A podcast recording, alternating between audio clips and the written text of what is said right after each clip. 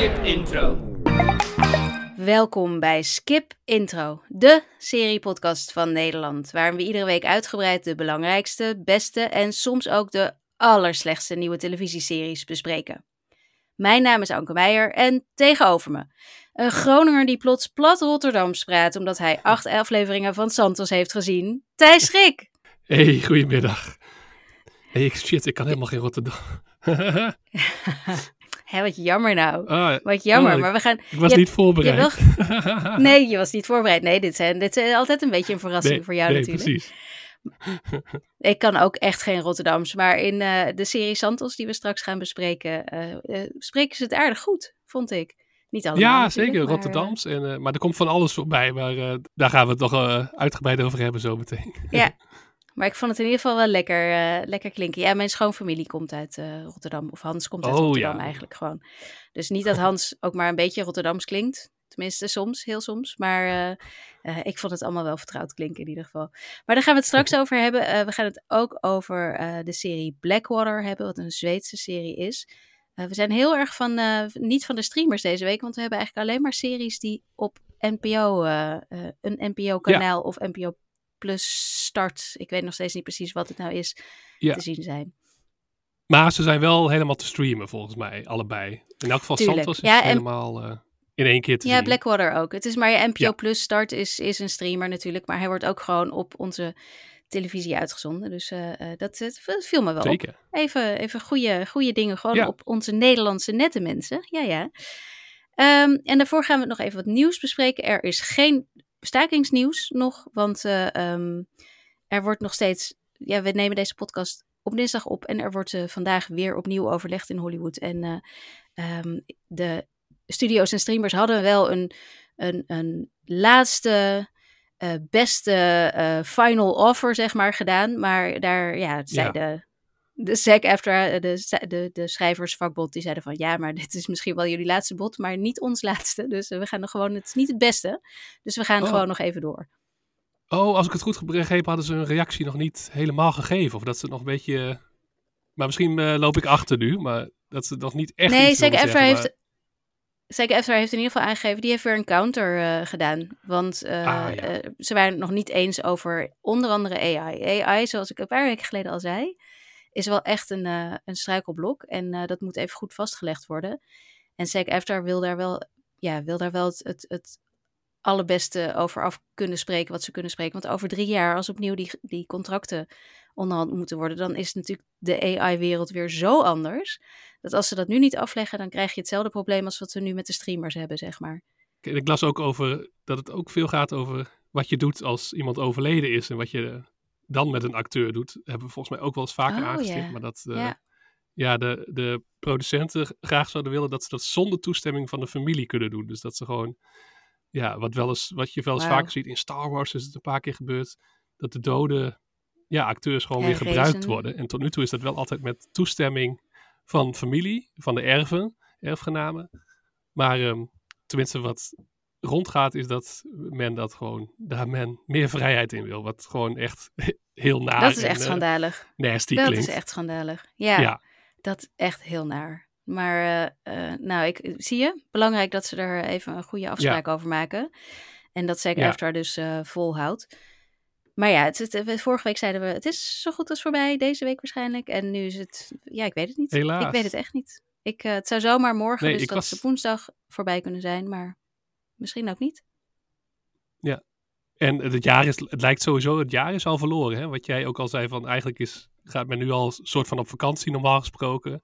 Ja, Dus nu hoopt men dat iedereen 1 januari weer kan opstarten. Maar ook dat is nog Ja. maar zeer de vraag als het eh, zo blijft nee, doorworden. het is, het is inderdaad, eh, Thanksgiving is meestal het punt waarop ze, waarop ze een beetje stoppen en met vakantie gaan. Ik heb het gevoel dat het alleen maar eerder komt, want eh, ik was natuurlijk vorige week in New York en eh, Mhm. Macy's, het grote warenhuis, werd al helemaal versierd met kerstverlichting. Oh ja. Dus Halloween wordt, of eh, Halloween, Thanksgiving wordt gewoon een beetje overgeslagen dit jaar volgens mij. Eh, het, was, eh, het was echt al kerstig. Over New York gesproken. Ik was natuurlijk in New York. Ik had het vorige week niet helemaal verteld, al verklapt. Ik was het nog een beetje aan teasen toen, geloof ik. Eh, maar ik mocht naar HBO afgelopen week om daar eh, bij de perspresentatie van het nieuwe televisieseizoen eigenlijk van HBO en HBO Max te zijn. Dat werd gepresenteerd door niemand minder dan Casey Bloys. Thijs, jij, weet, jij weet wie Casey Bloys is, hè? Ja, dat is wel, nou ja, laten we zeggen, tot voor kort wel de meester van de, de, de creatieve van, van Serieland. De koning, de koning van Serieland. Natuurlijk de man die ook ja, uh, uiteindelijk zorgt welke series er bij HBO slash HBO Max uh, terechtkomen. En iemand met een fantastische staat van dienst. Uh, hij is uiteindelijk verantwoordelijk tot voor. Kort, voor tot voor kort, nou ja, daar kun jij straks ook nog misschien meer over vertellen. Maar hij is, nou ik wil het niet eens een schandaal noemen, maar hij heeft wel een soort ja, uh, moeten toegeven dat hij iets heel gênants heeft gedaan. Ja, het was echt heel grappig. Ik, ik had jou natuurlijk al verteld dat ik, uh, dat ik hier naartoe mocht. Ik uh, was de enige Nederlandse journalist daar.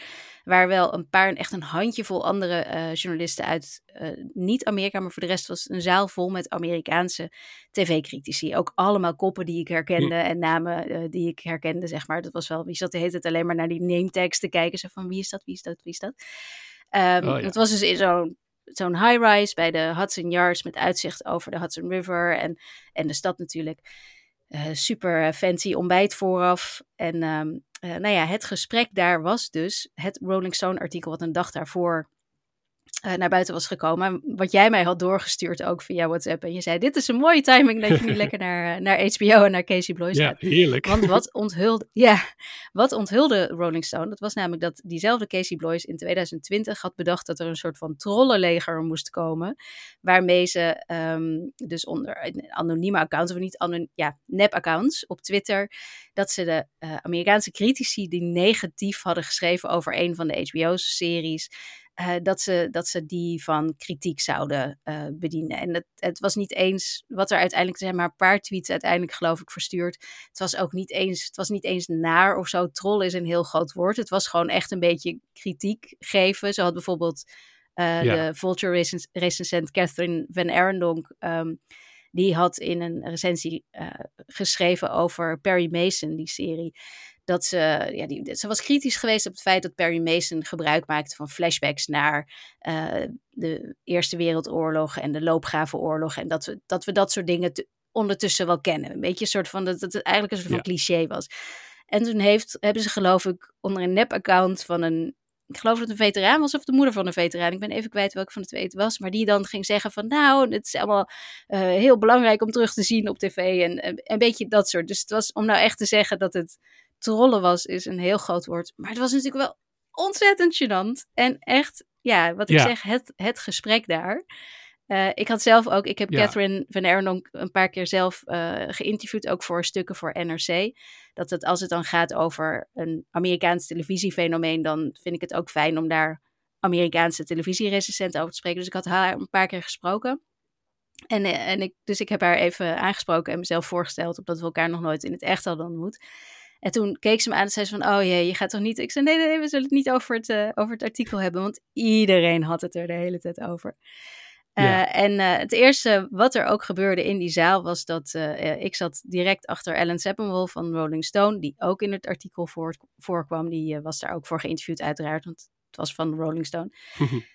en die ja. werd ook meteen door Casey, die toen hij binnenkwam, ja, aangesproken. Hij gaf hem meteen een hand. Hij zei ook meteen een soort van: uh, hey, uh, erg vervelend allemaal. Het spijt me dat jullie hier zo bij uh, betrokken zijn geraken, bla bla. En daarna heeft hij dus op het oh. podium.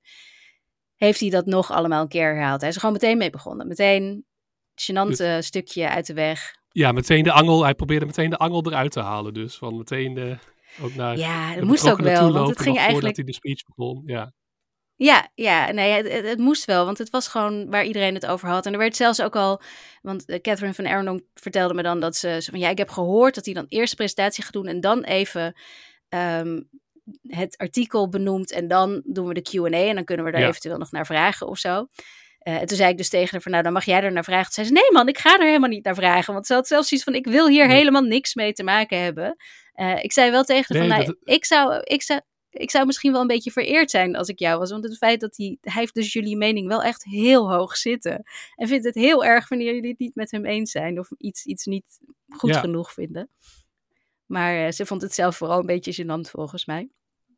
Ja, bij allemaal had ik het idee dat ze, ze ook niet zo al te veel in het artikel was het meer zo van, uh, ik weet niet meer wie het zei, die iemand zei van, nou ik, ik ik, ik, ik, vind het verrassend dat hij hiermee bezig was. omdat wij eigenlijk gewoon zo belangrijk zijn wij ook weer niet. dat idee was het. En dat het gewoon voor iedereen een soort gênante situatie is. En er was ook iemand die over de, de Nevers had geschreven. De ja, mislukte Josh uh, Whedon-serie met veel vrouwelijke rollen. En dan, het was gewoon een matige serie, dat, dat is duidelijk. Maar toen was dan zeg maar de Twitter-troll die zei van... Oh ja, de, deze auteur die heeft zeker... Is er een keer een serie met sterke vrouwenrol? Is deze, is deze auteur niet positief? Terwijl je ook denkt, maar dit dat is, dus een hele goedkope, goedkope manier om aan te vallen. En dat slaat ook helemaal nergens op. Maar dit is, dit is precies, dit is waarschijnlijk gewoon wat je dan achter gesloten deuren aan het mopperen bent tegen elkaar. Omdat je gewoon gefrustreerd bent. Nou ja, wat hij dus op het podium zei, is hij bood zijn excuses aan. En hij zei gewoon van ja, dit is, het, is natuurlijk een heel slecht plan geweest. Uh, ook slecht uitgevoerd, want zoveel hebben we er niet mee gedaan. Maar um, het kwam voort uit, het was 2020. Ik werkte vanuit huis, zoals iedereen natuurlijk. Ik zat te veel op Twitter. En dan, ja, niemand had toen zijn hoogtepunt inderdaad. En uh, nou ja, hij zeker niet. En het was gewoon, het is, het is gewoon gefrustreerd. En hij heeft ook uh, later ook in de Q&A gaf hij ook aan van, het zijn eigenlijk, het klinkt, het klinkt zo stom, maar het zijn eigenlijk, al die series zijn mijn kindjes. Want hij werkt echt vanaf het moment dat ze gepitcht worden. Hij is degene die het goedkeurt. Hij is degene die vervolgens met de makers werkt. Hij is degene die de scripts leest, die, die helpt. En um, ja. Ik snap het wel. Ik bedoel, als wij een lullige ook. En als wij een lullige recensie krijgen, dan ben ik daar ook echt chagrijnig van. Dus ik, ik snap, en dan wil ik het liefst ook soms wel eens gaan reageren. Maar dan weet je, ja, dat moet je niet doen. En dat weet ik zelfs al. Dus eigenlijk Casey Bloys, hoofd van HBO, zou dat ook moeten weten. Maar het was in ieder geval best wel, best wel heel grappig. Het was gewoon... Uh, ja. Uh, ja, leuk om, leuk om er even bij te zijn. Ja, en ik denk ook al, met al relatief onschuldig. Heel. Ja. En het schijnt ook alles wat ik, wat ik verder nog hoorde, was dat eigenlijk al die bedrijven, al die studio's, al die streamers min of meer dit soort dingen doen. Alleen dat Casey Bloys het zelf heeft gedaan en dat het niet zijn minions waren die. Eh, ik bedoel, hij is niet zelf achter het toetsenbord gaan zitten, maar dat hij echt dit zelf had bedacht. Normaal is dat een of andere ja, afdeling die zoiets bedenkt, bij wijze van spreken, en niet uh, de man zelf. Maar ja. ja. Maar vervolgens, ja, hij, hij, stapte er redelijk makkelijk overheen. En, uh, en heeft toen dus uh, uh, ja, gepresenteerd wat er volgend jaar allemaal op HBO uh, aan HBO en Max titels gaat komen. Zo moet ik het zeggen, want in Amerika is het natuurlijk al lang Max. Wij hebben nog steeds HBO Max en dat zal het ook blijven, zoals we eerder al uh, hadden besproken, dankzij Omroep Max. Um, en nou ja, dat, ik, ik moet zeggen, want er was natuurlijk best wel een, een hele, ja, een beetje droge periode hebben we nu gehad. Weinig ja. leuks op HBO. Maar uh, um, ja, er zitten wel echt best wel leuke dingen aan te komen. Eentje is natuurlijk True Detective Night Country, waarvan we de trailer al uitgebreid hadden besproken. Mm um, ik heb de eerste twee afleveringen gezien en ik weet eigenlijk ah. niet of ik daar iets van over mag zeggen. Ik weet niet eens of ik wel mocht zeggen dat ik het had gezien, maar... Ik denk het niet, Anke. Kijk uit. het enige wat ik, uh, uh, wat ik erover kan zeggen is dat het in januari uitkomt. En dat uh, regisseur Isa Lopez, die ik daar ook heb mogen interviewen, um, een ontzettend leuk mens is. Die uh, hier een hele um, interessante en leuke visie uh, over heeft. En die vooral zich heel erg, en dat kan ik al wel vast verklappen, um, heeft gebaseerd op de, dat allereerste seizoen van True Detective. Het allerbeste seizoen, laten we wel wezen. En dat Tuurlijk, ze daar ja. een soort van reactie, antwoord op heeft willen geven. En dat ze daar ook heel erg op, op gebaseerd heeft allemaal. En er, er, eigen nieuwe draai aan uh, heeft gegeven. ja. En en meer zal ik inderdaad niet zeggen voordat ik nooit meer uh, iets bij HBO mag doen, terwijl dit zo ontzettend leuk was. maar True Detective komt dus in januari uit en daar, ik denk dat we er wel uh, uh, naar uit kunnen kijken in ieder geval. Ik bedoel, dat het, ja, dat, het wordt op zijn minst interessant, denk ik zo, deze serie. Dus ja, om ja, het heel precies. voorzichtig te zeggen.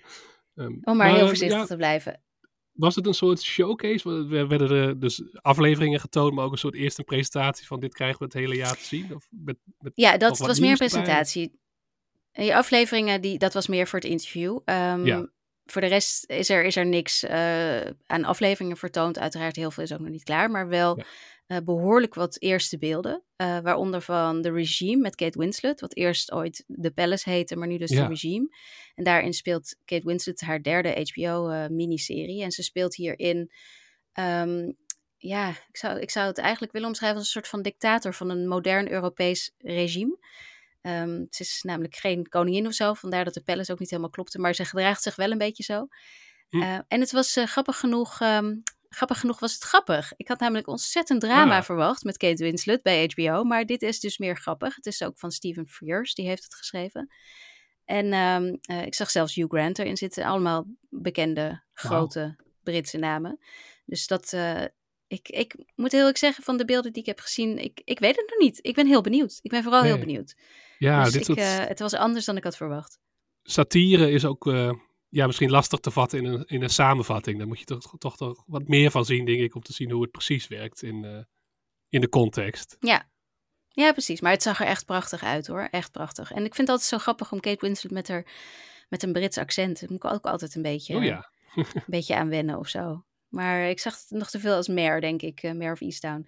Ja, Eh, en wat, er, wat ook uitkomt in de lente, want die komt in de lente uit. Wat ook uitkomt in de lente is The Sympathizer. Ehm, dat is naar een Pulitzer Prize winnend boek. Wat, hè, dat weten we ondertussen na All the Lights We Cannot See. Dat dat niet betekent per se dat het iets goeds moet worden. Maar dit is dan wel weer van HBO. Dus eh, ik heb wel goede hoop op zich. Ehm, en daarin speelt Robert Downey Jr. meerdere rollen. Ik heb ze niet allemaal kunnen tellen, maar echt meerdere. Ik had pas op het laatst door dat hij dat allemaal was. dus eh, die, eh, die is lekker los aan het gaan ook bij, eh, bij HBO. ja die is sinds, sinds hij weg is bij Marvel eindelijk weer echt aan het acteren. Dat is ook fijn. Hij zat een hele goede rol in Oppenheimer deze zomer.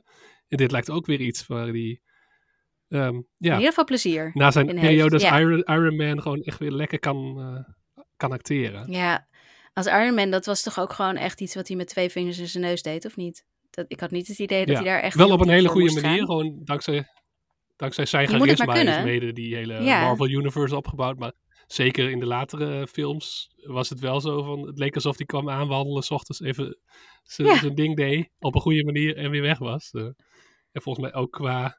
eh, ja, wat hij er zelf uithaalde, behalve heel veel geld. Ja, ik hoorde dus laatst over Robert Downey Jr. dat hij bij Marvel, dat, dat, dat dan iedereen daar bij al die Avengers films, dat al die A-list acteurs allemaal bij elkaar zaten, lekker aan het kaarten en aan het kletsen. En dat hij dan alleen ergens in een trailer met zijn heel veel geld zat. Het is wel een apart figuur volgens mij. Maar hij heeft dus Ja. nu in The Sympathizer eh, ja, een, eh, een lekkere rol. Ik weet niet, ik weet niet of heel veel... eh, hij was echt onherkenbaar in een aantal van die rollen. Dus ik, ik Oh, weet niet wat dat gaat opleveren verder. Ja, Ja, Ja. ik denk dat hij vooral nu in een fase zit van... eh, voor het geld hoeft hij het niet meer doen. Hij heeft met Marvel zoveel binnengehaald dat hij nu zichzelf uit, uitdaagt weer. En ook met blijkbaar eh, een serie waar hij heel veel rollen heeft. Ja, ja ik, ben, ik ben echt heel erg benieuwd. Wa- wat ook een serie is met iemand die een A-lister die bijna onherkenbaar was, dat was de Penguin. Eh, de Penguin is Oh, een, ja. eh, natuurlijk een DC. eh, dat, Ja, daar maakt Warner Bros. Discovery precies gebruik van de DC-IP die ze hebben. En ehm, ja, dat, dat is dus met Colin Farrell en, en die ik ook niet herkende. Als ik heel Nee, eerlijk ben. nee. En hij speelt de Penguin, dus ook met heel veel Ja. protheses en alles. En Casey Bloys omschreef dat als dat hij het vooral zo lekker vond. Want er werd natuurlijk wel een beetje gepraat over van ja, al dat IP-gebruik, hoe voorkom je nou dat het niet net als Marvel is? eh, dat, je, dat, ja, dat we er gewoon een beetje moe van worden. Dat het allemaal een beetje hetzelfde, een beetje eenheidsworst is.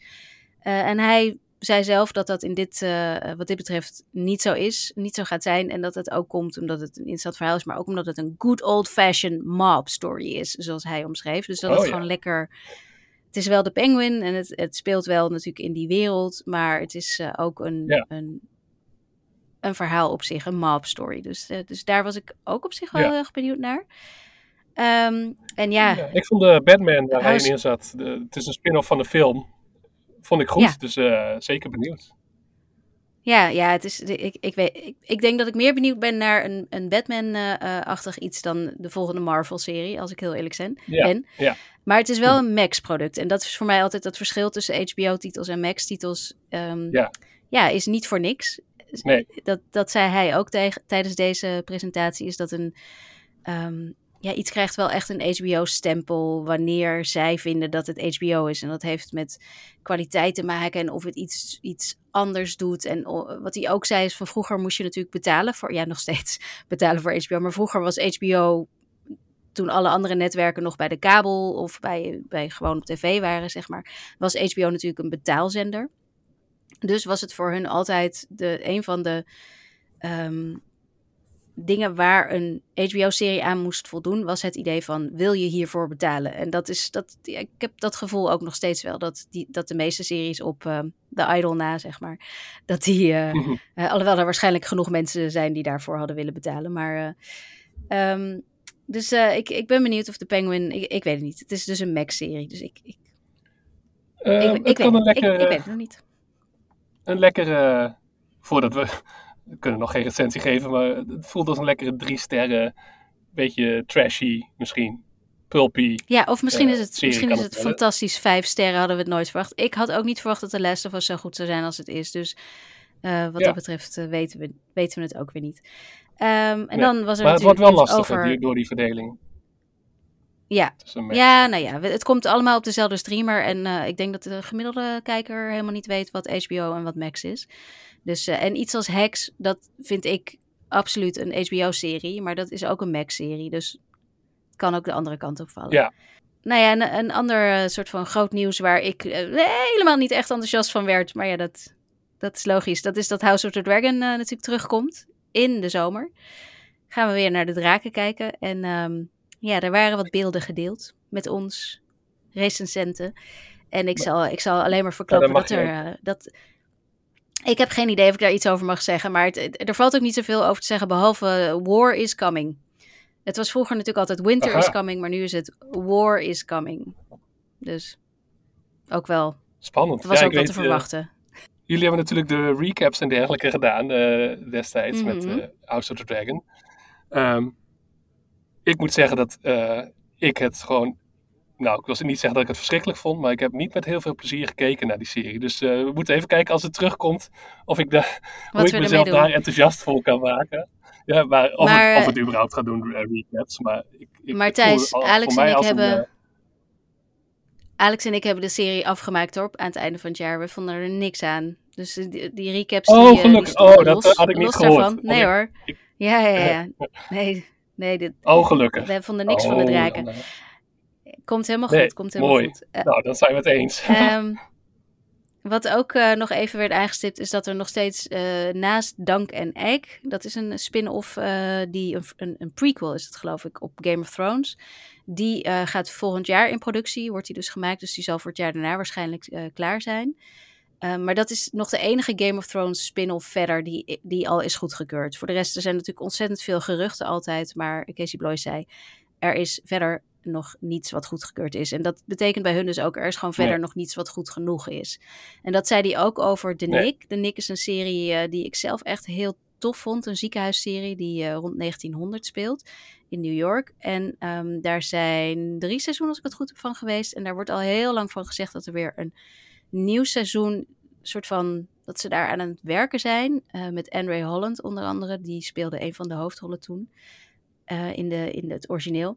Eh, en daarvan zei Casey Bloys dat er nog geen ehm, ja, script is of idee is wat goed genoeg is. Dus dat er op dit moment nog geen plannen zijn om dit ja, te Hm. revivalen, zeg maar. Nou ja, dat is ook Casey. Casey Bloys staat er ook onbekend van. hij, is, hij is de man van de kwaliteit. En het komt pas iets door als het goed genoeg is. Dat, eh, zeker voor het tweet-incident was hij gewoon ja, de man van. Goed, er kwamen ook wel eens dingen door die mislukten. Maar er was er in elk geval heel goed over nagedacht. In, in die zin van. Er was, was er niet zomaar doorgekomen. En soms mislukte het dan toch. Maar eh, ja, wel van de quality control. Dus eh, dat is ook goed dat hij dat Ja, zegt. precies. Ja, moet wel precies. goed genoeg zijn. Ja, of in elk dus, geval interessant. dus dat, eh, Ja. dat geldt nog steeds. En daarom vraagt iedereen zich nog steeds af hoe de idol er in, in hemelsnaam doorheen is geglipt. Maar, eh, maar dat terzijde. Ja. Daar werd in ieder geval geen spin-off of iets voor aangekondigd. Er komt wel een tweede deel van de Jinx documentaire serie. Die zoveel eh, stof deed opwaaien een Oh, paar ja. jaar geleden. Daar Ja. is gewoon een, een vervolg op gemaakt. Ehm Industry komt natuurlijk terug. En daar zitten dit seizoen Kit Harington van Game of Thrones. En Sarah Goldberg van Barry hebben daar een Hm. gastrol in. Dus dat is ook wel leuk. Interessant, ja. Ehm, ja, en verder de White Lotus en The Last of Us zijn alle twee uitgesteld. Die eh, White Lotus had in ieder geval al volgend jaar uit moeten komen, maar is vanwege de stakingen vertraagd. En ehm The Last of Us begint, seizoen 2 begint pas volgend jaar met opnemen. Dus dat, eh, dat krijgen we ook op zijn vroegst in 2025. Dus daar moeten we allemaal nog even op wachten. Ehm, en mijn absolute favoriet, tenminste wat ik dan van de dingen die ik zag en die, waarvan ik dacht, hier heb ik heel veel zin in. Ik bedoel, ik vond de Kate Winslet-serie leuk, maar um, dat, deze, hier moest ik echt om lachen. En ik was niet de enige. Dat was namelijk de franchise. En dat is een serie van uh, Armando Iannucci van Veep. En geregisseerd door mm -hmm. Sam Mendes. Uh, natuurlijk ook Oscar-winnaar. En uh, dat, het is een, een satirische kijk achter de schermen um, van een superhelden-serie die wordt gemaakt. Die, die superhelden-serie, nee, superheldenfilm. Een, een franchise, ja, een superhelden-franchise. Ja, ja. En uh, ik, het zag er heel leuk uit en ik moest er echt een paar keer om lachen. En Himesh Patel speelt, die is uit Station 11, die speelt volgens mij de hoofdrol, als ik het goed kon zien. Maar je hebt ook Daniel Brühl, uh, die um, Duitse acteur die in Marvel ook een rol heeft, maar die ik altijd zal kennen uit Goodbye Lenin. Um, die heeft er ook een rol in en ik zag nog wel wat meer uh, bekende gezichten. Maar die, daar kijk ik dus echt heel erg naar uit. En die is volgens mij pas ergens de tweede helft van het jaar dat we die krijgen. Maar ik kan, daar kan ik in ieder geval niet op ja. wachten. Ik ben heel benieuwd, want uh, de superhelden... De, ja, jij hebt, uh, jij hebt er meer van gezien. Maar als ik het zo hoor, denk ik van zelfs de satire op superhelden of op, op Hollywood die bezig is met superhelden, klinkt een beetje uitgekoud. Maar goed, als je hoort wie erachter zit, zou dat wel weer iets heel origineels kunnen opleveren. Ja. Dus ik uh, ben benieuwd, ben benieuwd. Ja, ik, uh, inderdaad, op papier klinkt het niet zo interessant, maar eh, wat ik zeg, ik, er werd echt wel gelachen om, ja. de, om de trailer. En uh, ja, dat is goed. Nou ja, dat is toch ook wel heel belangrijk. dus dat, dat, dat, dat was het een beetje. Toen, toen kreeg ik een, een mooie pen van HBO en een nieuwe trui, een nieuwe hoodie met HBO erop. En toen mocht ik weer, mocht ik weer gaan al met al dus een geslaagde trip. En ik las het stuk in NRC ook. Je hebt al daarover geschreven, dus mensen kunnen daar ook nog meer details in bekijken. Ja, klopt. Ja, nee, het was, uh, het was hartstikke leuk. Het was, uh, het was vooral heel tof, Thijs, om in die kamer, in die, in die ruimte te zitten met al die namen en hoofden ja. die je kent. En al die mensen, wiens recensies ik ook altijd lees. En uh, dat ik altijd denk, oh, ik ben blij dat Ellen Seppenwell hetzelfde vindt van deze serie als ik. Want ik heb hem zo hoog ja, zitten. Mooi. Ik heb hem ook een handje gegeven. En eindelijk en, zijn, het, zijn ze meer dan gezichtjes op social media. Dat is ook wel leuk. Of gezichtjes in de, in de by, of namen in de bylines ja, van precies, al die goede precies. recensies. Dus, ja, het voelde echt. Uh, ik was in the room where it happens, zei ik tegen Hans. Want wij zijn alle twee erg van Hamilton. Ik weet niet of jij dat bent, maar als je van Hamilton bent, dan weet je wat ik medium. bedoel. Uh, medium, nou.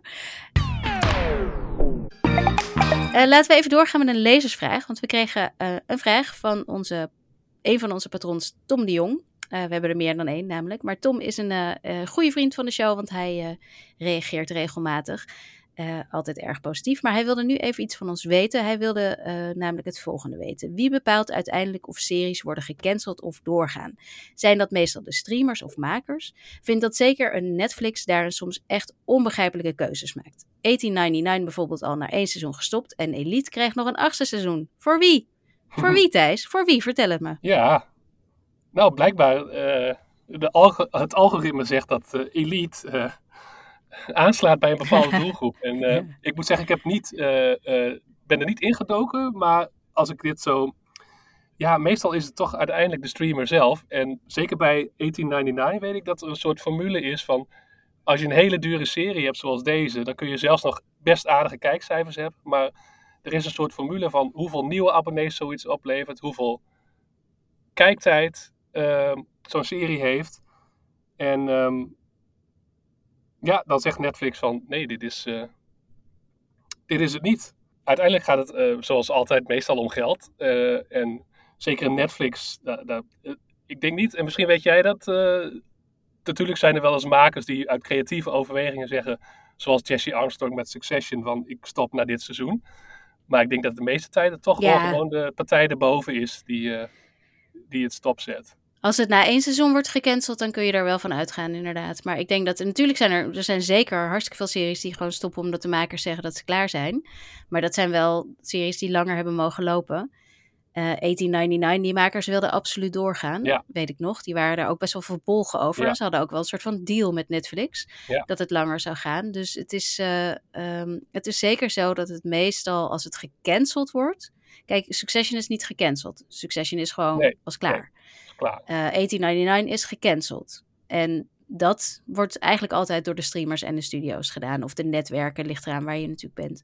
En uh, Elite, dat het nog een achtste seizoen krijgt, ja, dit is, er is daar wel een hele um, trouwe en best wel grote doelgroep voor. Het is altijd een serie die heel hoog scoort als het weer uitkomt. Ik heb er zelf ook nog nooit naar gekeken.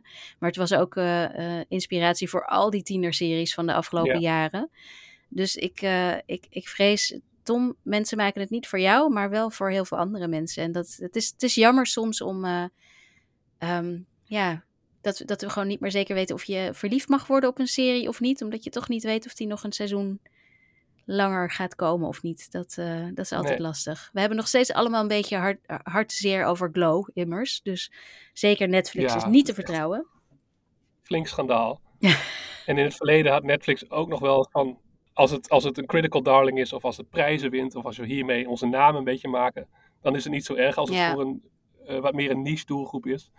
Maar dat hebben ze grotendeels losgelaten. dat vinden ze- Het moet gewoon, eh, Dat is niet meer zo belangrijk, nee. Ja, cijfers, cijfers, cijfers.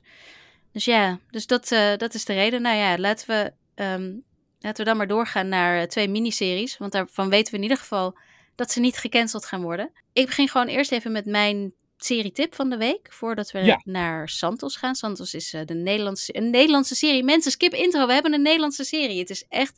Volgens mij heeft Alex wel eens iets Nederlands meegebracht. Maar het is toch heel bijzonder. Het is de grootste serie die we vandaag gaan bespreken. Ik, ik ben echt heel trots op mezelf. Ik heb zelfs gekeken, mensen. Echt. Heel is een goed, wonder. heel goed. Dat doen we hierna. Ik ga eerst nog even een andere serie tippen. En dat is namelijk Blackwater. Sanningen är den att vi var här hela dagen, hela kvällen. Då stämmer inte det ni har sagt till polisen. Var du den där natten? Du ljög. Du ljög för polisen. Håll dig undan från honom. Han är farlig. Ja, Blackwater is een Zweedse serie. Zoals jullie net konden horen in ehm, de waarschijnlijk onverstaanbare trailer die we, die we een stukje lieten horen. Eh, het is een Zweedse serie geregisseerd door ehm, Michael Marsimijn. En het is naar een boek van Kersten Ekman. En dat boek is al uit 1993 en dat heet volgens mij in Nederland gewoon Zwarte Water of zoiets. In het Zweeds heet het, dan ga ik even mijn best doen, Handelsel vid vatten. Dat zei ik vast en zeker helemaal verkeerd. Maar ik vind het toch zo'n mooie taal altijd. Ik word daar altijd wel een beetje gelukkig van om naar zo'n serie Oh ja, te kijken. En dan heb je allemaal namen als Berger en zo. Ik vind, ja, dit zeg ik ook verkeerd, maar ik vind, ik vind het echt heerlijk. Ehm, en deze serie het is, is ook te zien op NPO, NPO 2 en NPO Plus natuurlijk. Ehm, en ehm, het gaat, het speelt in 1973 en in 1993, als ik het goed zeg, in ieder geval in de jaren 90. Dus het heeft eigenlijk twee tijdlijnen. Ehm, het gaat wel over dezelfde mensen die je dus in die twee tijdlijnen ziet. Ehm, in 1973, dat speelt tijdens Midzomernacht, dus dan is het licht, de hele tijd, non-stop licht. Eh, op die dag worden er twee toeristen vermoord in een tentje naast een, een, een beek, of een beek, een rivier, een hele woeste rivier is het eigenlijk. Ehm, een van die toeristen is ook een Nederlandse trouwens, maar dat was volgens mij geen Nederlandse actrice, want wat ik er hoorde spreken, Hmm. dat klonk niet, eh, klonk niet helemaal correct, zoals je dat wel vaker hebt. Ehm, en eh, zij worden in het tentje daar vermoord en, en niemand eh, weet door wie. Die moord blijft ook onopgelost jarenlang, maar drukt daardoor wel een redelijke stempel op, op de mensen die daar wonen. Want het is in het noorden van Zweden. Redelijk onherbergzaam allemaal. Je moet ook heel ver rijden en, en lopen om ergens te komen. Ehm, mensen zijn allemaal behoorlijk... Het is allemaal heel ruig. Zoals je dat wel een beetje, een beetje kunt indenken, denk ik. Dit is ook, ik had ook de Mhm. regisseur geïnterviewd voor de VPRO-gids. En hij zei bijvoorbeeld zelf, hij is Zweeds, maar hij zei zelf ook van ja, wij hadden een vakantiehuis hier ergens in de archipel en niet ehm, helemaal in het noorden. Dus het noorden was voor hem ook een soort van, ja, bijna mysterieus stuk van, van Zweden.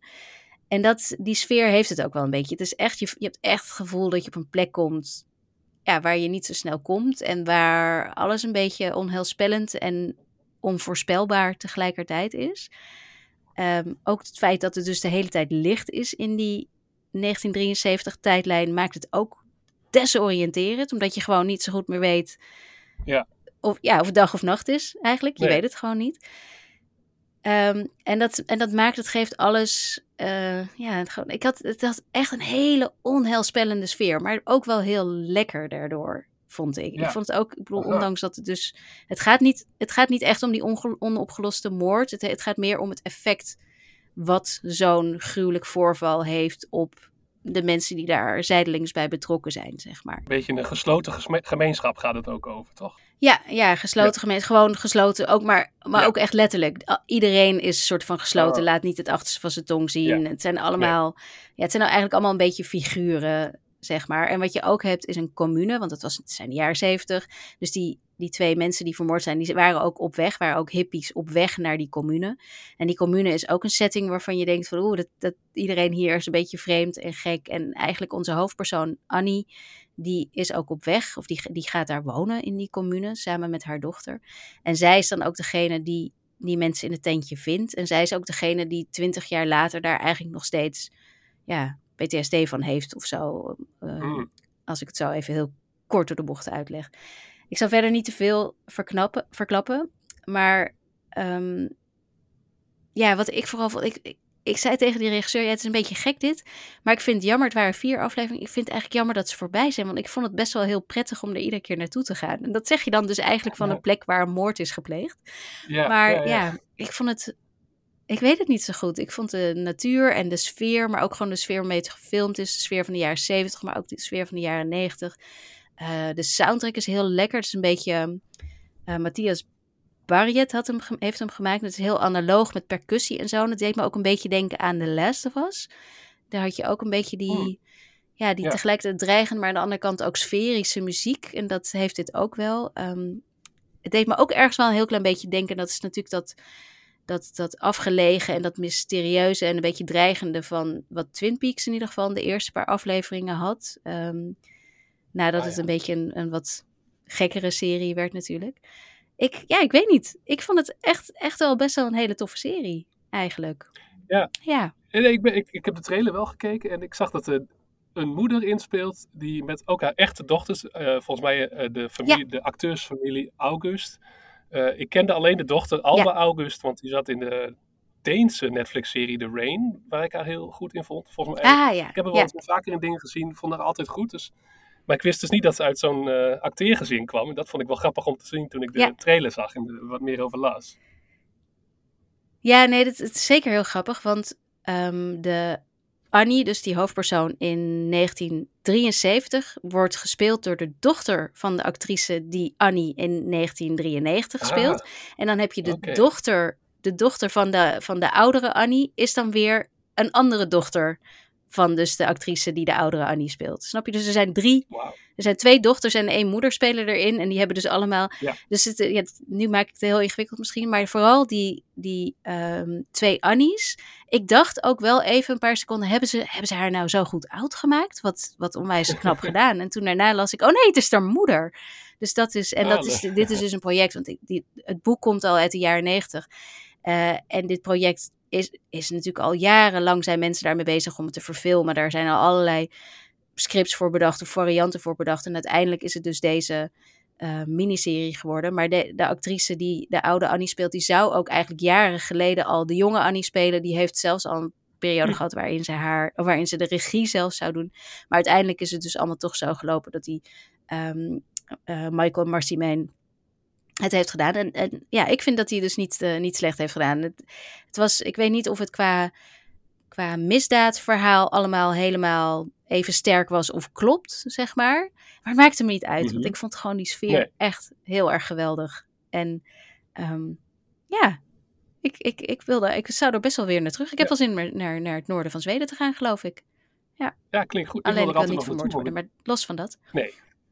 Nee, nee dat, is niet, dat, is- dat zou iets minder zijn. Maar ik was vorig jaar op vakantie in Zweden. En eh, ik ben wel eens vaker in Zweden geweest. Nog nooit in het noorden. Dus eh, ja, ja, klinkt een beetje luguber inderdaad. Een serie waar een moord, rondom een moord, dubbele moord. Maar dat je dan toch een soort vakantiegevoel erbij krijgt. Of een soort van, oh hier wil ik naartoe ontsnappen. Maar Ja, ik weet ook niet of het een wel. echt vakantiegevoel is. Ik, hou- ik, Nee. ik hou sowieso, ik bedoel, ik, ik hou sowieso wel een beetje van, van moeilijke en nare series soms hoor. Dus, Ja. dus dit is misschien niet zo heel gek dat ik me hier heel thuis voelde. Maar ehm, ja, het, ik vond het gewoon mooi gemaakt. Ik vond het een mooie, eh, mooie serie. Spannende serie. En ik heb hem met heel veel plezier geke- gekeken. Dus ehm, nice. ik raad hem iedereen aan. Vanaf eh 11 november staat hij op NPO, begint hij op NPO 2 en staat hij helemaal op NPO Plus. Dus dan kunnen we lekker kijken.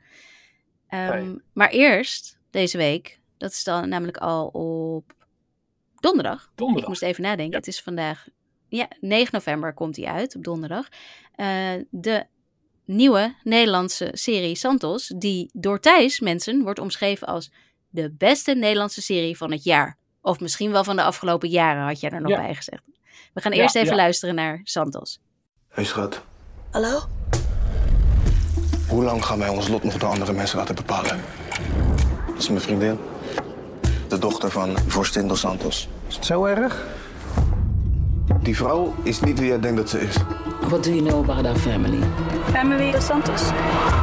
Nou Thijs, wat een, eh, ik vind het een take. De beste Nederlandse serie sinds jaren misschien wel. Dat, dat stond er eerst in het draaiboek. Ja, Ik zie dat je ja. het veranderd had, maar volgens mij stond dat er eerst. Ja, ik nog, misschien, je wil er ook weer niet overhypen of eh, de verwachtingen nog eh, verder opkloppen misschien.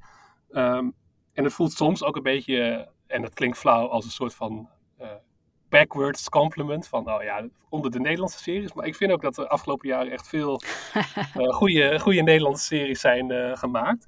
Maar Santos, eh, wat interessant is dat hij al twee maanden geleden een Gouden Kalf won voor beste serie op het filmfestival van Utrecht. Dat doen ze wel vaker. Dan worden er al wat dingen gescreend en dan is er een jury die ook daar een Gouden Kalf aan mag geven. Geeft ook wel aan dat series qua status ook, ook in de Nederlandse weer, ja, industrie eh, ja, toch wel gelijk worden gesteld. Of misschien zelfs nog wel belangrijker worden eh, gezien.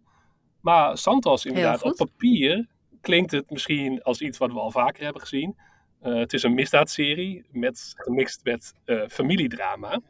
En het speelt in de onderwereld van Rotterdam. Ehm, maar het gaat eigenlijk over een jong stel die, ja, die een soort eh, nieuwe start willen maken. Want je hebt Glenn, eh, gespeeld door eh Yannick Josefzoon. Die heeft een relatie met Yola, gespeeld door Yuta Wong Loy Singh. En die zijn allebei een beetje van die, nou ja, die, moving up in the world. Hij eh, eh, gaat werken bij een sterrenrestaurant. Zij zit bij een soort van hippe, ja, eh, st- goed doel slash start-up. Ik ben even kwijt wat het nou precies is. Dat is volgens mij ook bewust een beetje onduidelijk gemaakt. Ehm, maar Glenn die heeft nog wel een ja, soort crimineel verleden. Eh, zijn beste vriend is drugsdealer. En ja, dat, ja, hij zit nog dicht bij het criminele vuurtje, om het zo maar te zeggen. En de moeder van Yola, die is eigenlijk een soort van koningin van de Rotterdamse onderwereld. Eh, zij wordt gespeeld door eh, Romana Vrede, die we ook vaak op tv zien, maar ook op, vooral op toneel echt geweldige dingen heeft gedaan. Maar ze zat ook in de serie TBS, Moordvrouw, eh, de film De Eetclub. Maar echt wel gewoon een van onze grootste toneelactrices ook wel. Ehm, en die speelt dus een beetje een soort ehm, het criminele mastermind in deze serie. In Rotterdam. Dus eh, er is ook een koppeling met de Rotterdamse haven. Maar het is een beetje Mhm. bekend verhaal natuurlijk van iemand die probeert te ontsnappen, of twee mensen eigenlijk, eh, aan de criminele onderwereld. Maar dat lukt. Eh, en dat is geen spoiler, denk ik, want anders zou er geen serie zijn. Dat lukt niet helemaal. Ehm, en wat ik tof vind is dat, nou, dit zijn wat de namen die ik noemde, zijn best bekend. Maar wat de makers echt bewust hebben gedaan, is dat ze tonen de Rotterdam, de Rotterdamse straatcultuur. En daarvoor hebben ze ook gewoon eh, ja, wat niet-acteurs bijgehaald. eh, waaronder een rapper Vic Nine, of een hip-hop artiest. Eh, die kende ik totaal niet, moet ik eerlijk zeggen. Ik probeerde moderne muziek ook in de gaten te houden, popmuziek, maar hip-hop iets minder. Ehm, en die speelt een beetje ja, een soort van sukkel die nog wel eh, in de drugswereld zit. Ja, en die sleept Glenn er eigenlijk bij. En dan gaat het natuurlijk eh from bad to worse. En ehm, het is onder andere geregisseerd door Giancarlo Sanchez, die ook eh Mokro Mafia heeft gedaan.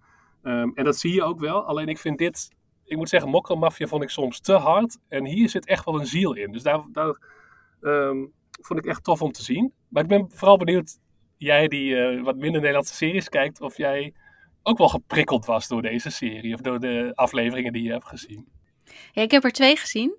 Ehm, Mhm. En dat is al dat is meer Nederlandse televisie dan ik in jaren heb gekeken, ongeveer. Ehm, op lampje na, vorig jaar. Maar ehm, nee, ik, vond, ik vind het er sowieso prachtig uitzien. Ik vond het erg mooi gemaakt. Mooie shots eh, viel me heel erg op. En ik vond ook Rotterdam er heel mooi uitkomen. Ik vond het ook lekker dat het in Rotterdam is. En niet Ja. weer die grachten en die...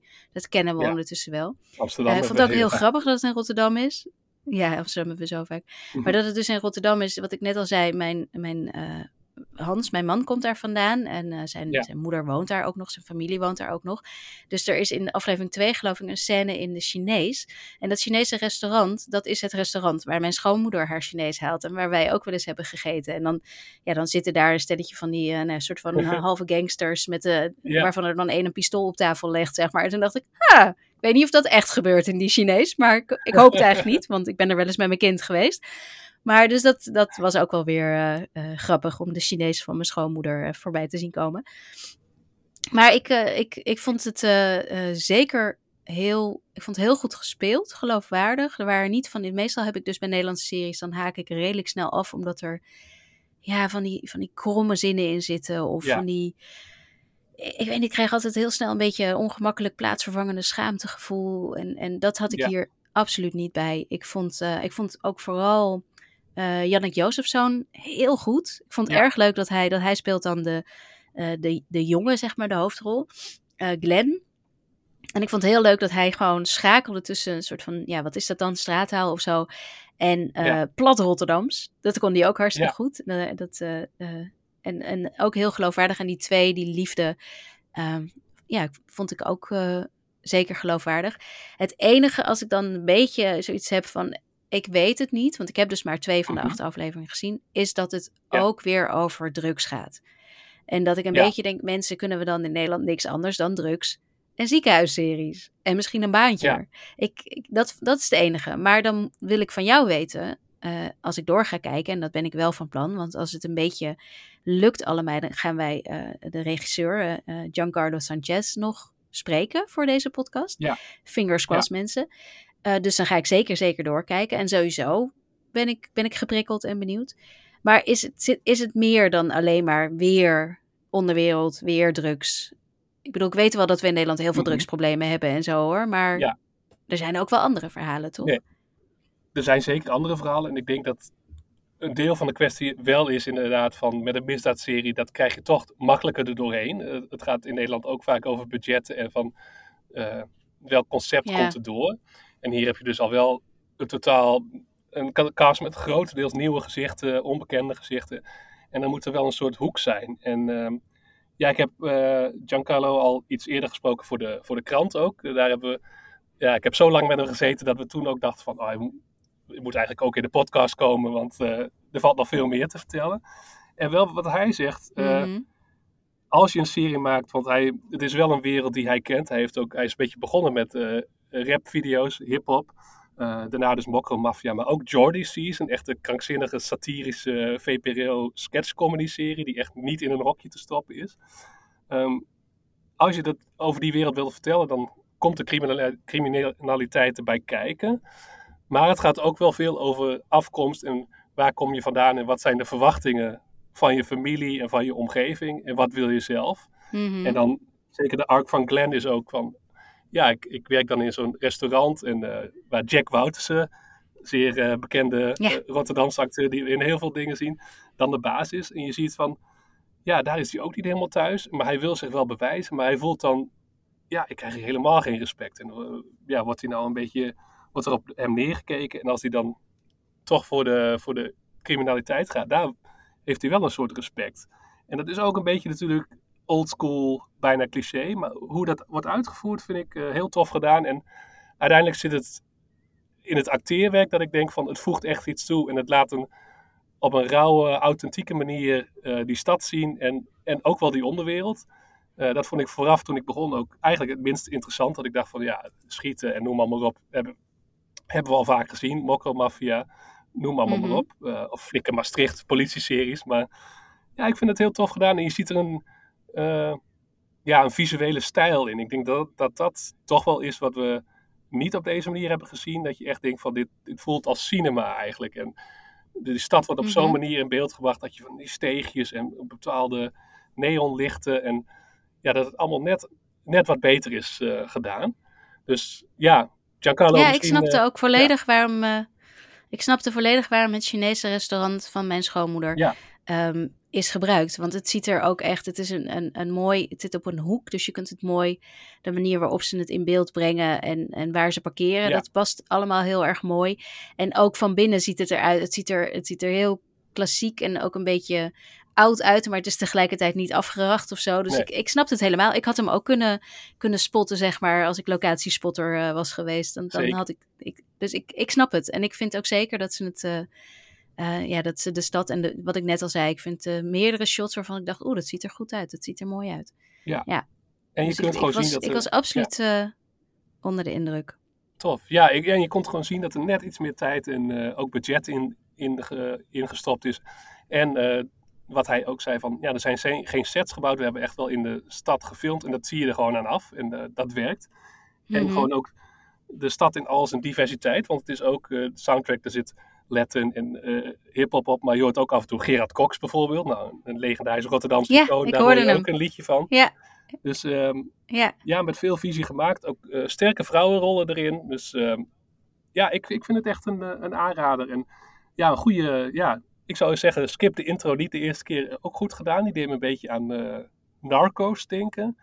Ehm, tof gedaan. Ja, Ja. die vond ik ook niet. En daar zit inderdaad een, eh, een beetje een eh, Latijns-Amerikaans nummer Latijns-Amerikaans. onder, als ik het goed had.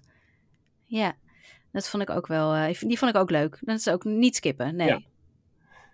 En ja, ik moet zeggen, ik heb, het, blijft, het blijft ook de, de hele serie interessant. In acht afleveringen heeft het. Dat is ook net genoeg, denk ik. Daarna, daarna zou het zichzelf gaan herhalen. Dus ik vond het uiteindelijk ook wel een, een ja, bevredigend eh, einde. Hoewel ze misschien zelfs een tweede seizoen willen. Maar dat, dat zouden, we nog, zouden we nog even moeten dubbelchecken. Want het zou kunnen dat er een... Ja, als het een succes is, dat ze ermee doorgaan. Maar dat is nog even afwachten. Ik ben heel Ja, benieuwd ja. hoe het ontvangen wordt. Want het is toch... eh, ja, nieuwe gezichten. Is, is men niet altijd klaar voor. De eerste, de eerste recensies die ik zag, eh, ik weet dat jij heel positief gaat zijn. En ik, ik zag dat Alex in de VPRO-gids vier sterren heeft gegeven. Dus, en die was ook positief. Dus ik denk, eh, ehm, nou ja, dat zijn toch, jullie zijn toch wel de, wat mij betreft, de Nederlandse seriekenners die ik het meest vertrouw. En eh, ja, ik, ik denk dat het positief is. Het komt op BNN, het, is van BNN-Vara, hè? Ja, geloof ik. BNNVARA inderdaad. Eh, Ja, dus dan komt het op... eh, dus het is ook wel een beetje een iets jongere doelgroep. ja, zeker. Ik denk ook dat... ze- Misschien dat ze ook wel daarom denken van... Oh, als we wat artiesten erin hebben, dan gaan, eh, gaat de jongere doelgroep dit misschien ook kijken. Ik denk niet op tv. Die gaan het echt eh bingen natuurlijk. Maar eh, dat, Ja. dat maakt ook niet uit. Het maakt niet uit waar ze kijken. Dus eh, NPO 3, dus dat is altijd een, dat is een zender die iets meer verstopt is voor de, voor de mensen. Die, die scoort niet zoveel. Maar goed, daar is ook een keer de lui, luizenmoeder op te zien geweest. Een van de grootste succesvolle Nederlandse series ooit. Oh Dus ja, het kan precies, gewoon wel als precies. het, eh, ja, als het vuurtje gaat lopen, zeg maar. Dus ik, ik ben ontzettend benieuwd hoe dat ontvangen gaat worden. Want eh, ja, dat, dat is altijd maar de vraag. Nou, nou, ik denk eigenlijk wel goed hoor. Ja. Ik heb er wel vertrouwen Ja. in. Ehm, ik vond hem in ieder geval heel leuk. Wil je er nog iets over zeggen? Heb je nog iets eh, waarvan je denkt, dit, dit wil ik toch ook nog wel even... Ehm, ik raad in ieder geval iedereen aan eh, om alvast te kijken. Je kunt hem helemaal kijken, maar je kunt ook een paar afleveringen kijken. Zodat als wij inderdaad, als het ons lukt eh, om Giancarlo in de uitzending te krijgen, ehm, dat je het gesprek kunt volgen. Want we gaan natuurlijk wel praten over zo'n serie met een beetje kennis. Ja. Dus dan eh, zitten er wellicht wat spoilers in. Dus, dus ga vooral kijken en laat ook weten wat jullie vinden. En als jullie vragen hebben, laat het weten. Dat zou ook leuk zijn. Jullie weten ons te vinden via social media en dergelijke. Ehm, nog iets? Wil je nog iets over Santos zeggen? Nee, ik denk vooral eh, dat ik blij ben dat zoiets gemaakt wordt. En dat het ook goed is dat zo'n zo'n gouden kalf dan wordt ingezet. Of ingezet. Dat zo'n jury dan eh, niet voor een, eh, nou ja, een serie met, eh, laten we zeggen, eh Barry Atsma. Dat is grappig omdat Giancarlo dat zelf zei. Van, nou, er zit geen Barry Atsma in deze serie. Maar ik zou best met hem willen werken. Maar ik- we doen ons best om eens andere te laten zien. Ehm, en ik denk dat we, ja, ik zou zeggen, nu zei ik het zelf ook weer een beetje, ja, als we het over Nederlandse series hebben, dan is het altijd zo, dan lijkt de lat een beetje omlaag te gaan. On-Nederlands goed. En ja. eh, laten we dat niet Mhm. doen en, en hopen dat dit gewoon eh, ook weer nieuwe makers inspireert om eh, ja, te kijken naar andere werelden en dat het eh, ja, ook, ondanks dat eh, criminaliteit natuurlijk een bekend thema is, gewoon weer met een andere, andere touch gedaan wordt. Een originele visuele touch. Dus eh, Geen eh, ziekenhuisseries, geen politieseries en geen overspannen huisvaders en moeders, alsjeblieft. En dan kom, ik ook weer, kom ik ook weer kijken. Maar ik vond dit zeker voor een Nederlandse serie helemaal niet slecht. Maar ook voor een, gewoon een serie vond ik het helemaal niet slecht. Ik heb, er, eh, ik heb er met plezier naar gekeken. En hij staat vanaf 9 november dus op NPO Start of Plus. Ik weet nooit precies welke van de twee, ik blijf het zeggen. Ja. En hij begint dan ook bij NPO het 3, zeggen, dus dan Anke, kun je misschien ook met je ouders meekijken. Wat is het verschil? Vertel het me. Echt, ik, ben, de- ik word helemaal ja, gek. NPO Start is de gratis versie. Dus als je deze serie gratis wil kijken, dan moet je geloof ik elke week, dan loopt het mee met de tv-uitzending. Bij NPO Plus betaal je een beetje en dan krijg je het hele Ah. seizoen te zien. Eh, en ik vind het qua marketing, communicatie echt echt, super slecht. Maar zo, zo werkt het. Nu snap ik het. Dankjewel. Oké, dus eigenlijk, wat, welke is dan? Start is terugkijken. Ja, start eens terugkijken. Eigenlijk krijg je ook advertenties erbij. En En plus, plus is binge. binge, eh, zonder reclame. is on-demand binge, Ja, wat je wil. Dan krijg je ook Ja. vaak al Soms zetten ze zelfs series al online Ah. voordat het op tv komt. Ja. Maar dat is een, qua Oh, communicatie dankjewel, echt En- iets verzinnen hierop eh, bij de NPO. Ja, ik heb dit al zo van. Ik noem het ook maar gewoon Start Plus, want dan weet ik zeker dat ik ergens goed zit. Ik snap het. Oké, nou fijn. Hè, bedankt voor deze uitleg. Ik voel me echt, ik ben, eh, nou, pff, weight off my shoulders. Dankjewel, Thijs. yes. Ik, eh, hij staat 9 november, NPO Plus, sta, sta, blah, NPO Plus start, daar staat hij, en eh, NPO 3. Ehm, en hopelijk dus eh, heel snel een interview in deze gezellige Ja. podcast met regisseur Giancarlo Sanchez. Ehm, nou Thijs, dan, dan zijn we er wel weer een beetje doorheen, lijkt me. We, hebben, Ja. eh, we hadden maar twee ti- serietips, maar daar, daar stond tegenover dat we ongelooflijk veel eh, nieuwe titels voor HBO voor volgend jaar hebben aangestipt. Dus eh, wat dat betreft is de serieagenda vol genoeg. Dan ga ik weer afsluiten met het, met het bekende riedeltje. Om te beginnen natuurlijk met steun ons via Patreon. Dan help je ons bij het maken van deze podcast. En dan krijg je ook exclusief afleveringen van De Teletijdmachine. Dat is de rubriek waarin we een duik in de televisiegeschiedenis nemen. We hebben al gekeken naar Band of Brothers, naar The Simpsons en met Danielle Kliwon naar The OC. En ehm, ik wil deze week, als het lukt, ehm, want ik moet nog even een maatje vinden om mee op te nemen, wil ik naar The Sopranos gaan kijken. Ehm, maar ja, dat, dat is dus via Patreon. Die krijg je alleen maar via Patreon. Dus word lid. De link staat in de show notes. Verder kun je ons volgen op Twitter, Instagram en Blue Sky via skipintro.nl. En je kunt eh, lid worden van onze Facebookpagina. Dat is ook skipintro.nl. Eh, en ons mailen op podcastskipintro.gmail.com. Ook als je dus vragen voor ons hebt of eventueel voor Giancarlo Sanchez. Voor de rest, ehm, nieuwsbrieven. Jij hebt hem vorige week alsnog uitgebracht, Thijs. Ik zag hem voorbij Ja. komen. Eh, de popcultuurbrief van Thijs. En mijn brief over series, I Like to Watch, die heb ik vorige week echt niet kunnen maken. Dat lukte me niet. Ik was zo, zo vreselijk jetlagged. Maar komende week komt hij er donderdag. En dan ga ik eh, ook nog wat meer over mijn HBO-tripje of mijn New York-tripje vertellen. En eh, nog wat series tippen, uiteraard. Ehm, links ook in de show notes. En tot slot wil ik nog even zeggen: mensen, laat iedereen weten dat je naar Skip Intro luistert. Geef ons goede sterren, duimpjes omhoog, leuke recensies. En ehm, eh, vertel het vooral door, want hoe meer luisteraars, hoe beter. En wie weet, wie weet Thijs, winnen we dan ooit zo'n felbegeerde podcast award. Oh ja. Waar we verder helemaal niet per se eh, iets mee te maken hebben. Maar dat zou toch leuk zijn. Dat wordt het doel voor Ja. volgend jaar, mensen. Help ons mee, help ons mee. Ik zeg nou, ga allemaal lekker eh, Santos kijken en Blackwater. En dan hebben we volgende week weer een leuke nieuwe afleveringen. eh, met in ieder geval Fellow Travelers. Daar wil ik het over hebben. Heb jij al iets waar je het over wil hebben volgende week? Ehm, ja, ik denk de nieuwe animatieserie van Scott Pilgrim.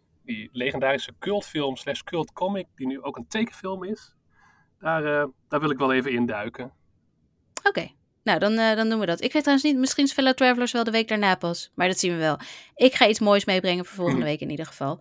En, eh en Thijs ook. En dan, dan zien we elkaar dan weer. Tot dan! Tot de volgende keer.